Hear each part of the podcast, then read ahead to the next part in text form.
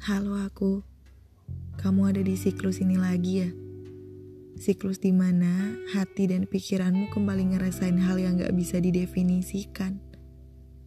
Siklus perasaan yang ingin kamu sudahi dengan segera, tapi nyatanya masih memaksa kamu untuk menikmati segalanya. Ya, sampai benar-benar selesai nantinya. Pasti kamu capek, lelah sama siklus yang terus berulang ini kan? Kamu mesti kuat, meskipun gak tahu ini akhirnya sampai kapan. Tapi, kamu harus tetap melapangkan dada, menguatkan hati, memahamkan pikiran. Karena kalau bukan kamu yang memeluk dirimu dengan erat, siklus ini akan berakhir dengan luka yang susah untuk kamu sembuhkan. Kamu harus percaya kalau semuanya akan terlewati. Meskipun sekarang aja rasanya sesusah itu.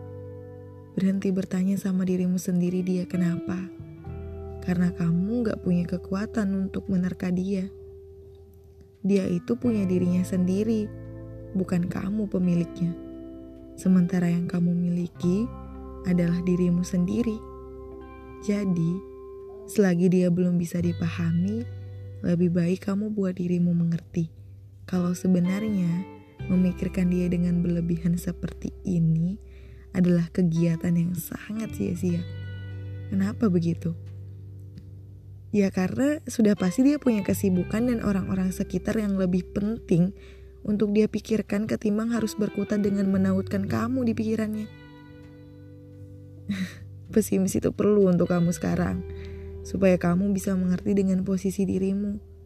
Jadi, yang harus kamu lakukan sekarang adalah mulai menyiapkan ruang kecewa di hatimu itu. Karena ada luka yang ingin singgah. Sebentar aja kok setelah sembuh, dia akan pergi dengan tenang. Untuk hari ini, jangan lupa tersenyum aja dulu. Terima kasih aku sudah mau mendengarkan aku.